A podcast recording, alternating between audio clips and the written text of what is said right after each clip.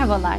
Çevredeki ilaç kirliliğinin küresel ölçekte nasıl bir zarar verdiğini araştırmak için tüm dünyada 128 tane araştırmacı bir araya geldi. Londra'daki Thames Nehri, Amazonlar ve aklınıza gelebilecek aslında tüm e, tatlı sular inceleme altına alındı ve bu incelemeler sonucunda çok da olumlu bir tabloyla karşılaşmadı bu araştırmacılar.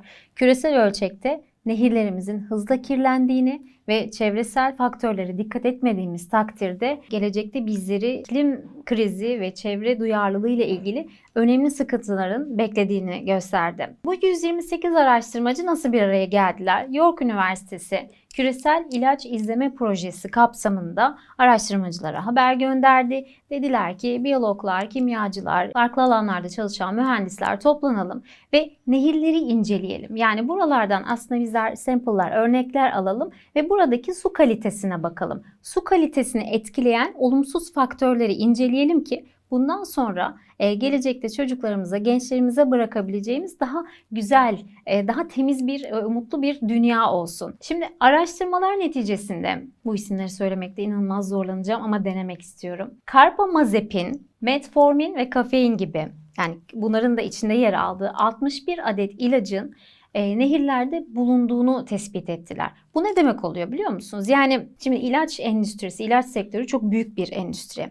E, bunlar bir şekilde yani gelişmiş ülkeler e, bütün dünyaya bu ilaçları satmaya ve bu ağlarını, networklerini geliştirmeye çalışıyorlar. Ama bunu yaparken ne kadar acaba iklime, ne kadar ormanlara, ne kadar yeşilliklere, ne kadar suların, tabiatın ekolojik dengesine dikkat ediyorlar derseniz işte burada maalesef hem şirketler hem araştırma enstitüleri sınıfta kalmış durumda. Hadi gelin sonuçlara detaylıca bakalım. Araştırmacılar bu detaylı araştırmayla beraber şu bulgulara ulaştılar. İlaç kirliliği suları her kıtada etkiliyor. Hatırlarsınız geçtiğimiz yaz müsilaj diye bir kelime aslında lügatımıza girdi. Tabi mutlaka su ürünleri fakültesinde işte bunlar konuşulurdu. Alanda biyolojide, kimyada çalışanlar bunu bilirlerdi muhakkak ama biz de böyle bir müsilaj kelimesini anladık ne demek olduğunu. Marmara açıklarında başlayan bu su kirliliği sadece birkaç hafta içerisinde Yunanistan sularına doğru da gitmişti.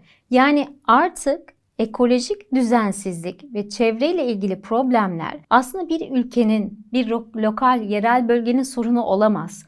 Bu sorunlar hepimizin sorunu. Yani şu demek değil. Ben ülke olarak bütün önlemlerimi alıyorum, sınırlarımı kapatıyorum. Ben burada temiz bir şey yapıyorum. Bu mümkün değil. Yani ilaç kirliliği ya da çevreyle ilgili bütün bu hassasiyet gerektiren bütün unsurlar sınır tanımıyor. Şu anda hepimiz benzer derecede havanın gittikçe ısı derecesinin yükseldiği, suların gittikçe daha kalitesiz olduğu günlere uyanıyoruz ve bu hepimizin sorunu. Şöyle bir e, araştırmanın içinde şöyle bir veri var. Ekonomik gelir seviyesi arttıkça çevresel kirlilik artıyor. Çünkü aslında e, burada üretim daha fazla, sanayi daha fazla. İnsanlar işte fabrikalarda üretim yapıyorlar. Bu, bu üretimlere bağlı olarak aslında bunlar gelir seviyesiyle ilişkili.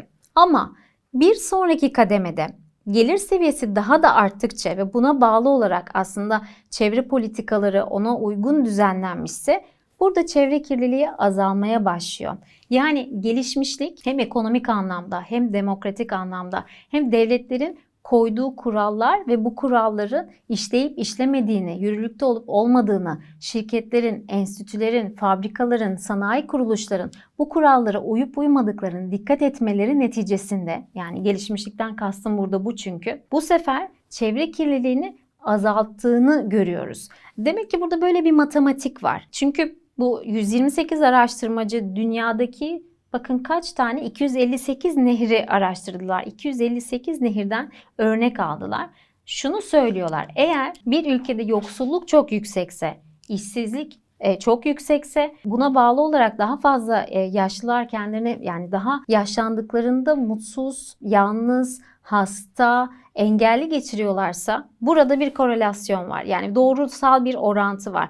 Bu ülkelerde nehirler de kirli. Artı bir de şunu belki eklemek lazım son olarak. En yüksek seviyedeki ilaç kirliliği ile en fazla ilişkili olan unsurlar arasında da bakın çöplerin nehir yataklarına dökülmesi, atık su altyapısının yeterli olmaması, ilaç üretiminin yetersiz olması gibi konular ilişkili. Yani mesele sadece işte yerlere çöp atmayalım, bireysel olarak hepimiz bu işlere dikkat edelim meselesini çok aşmış durumda.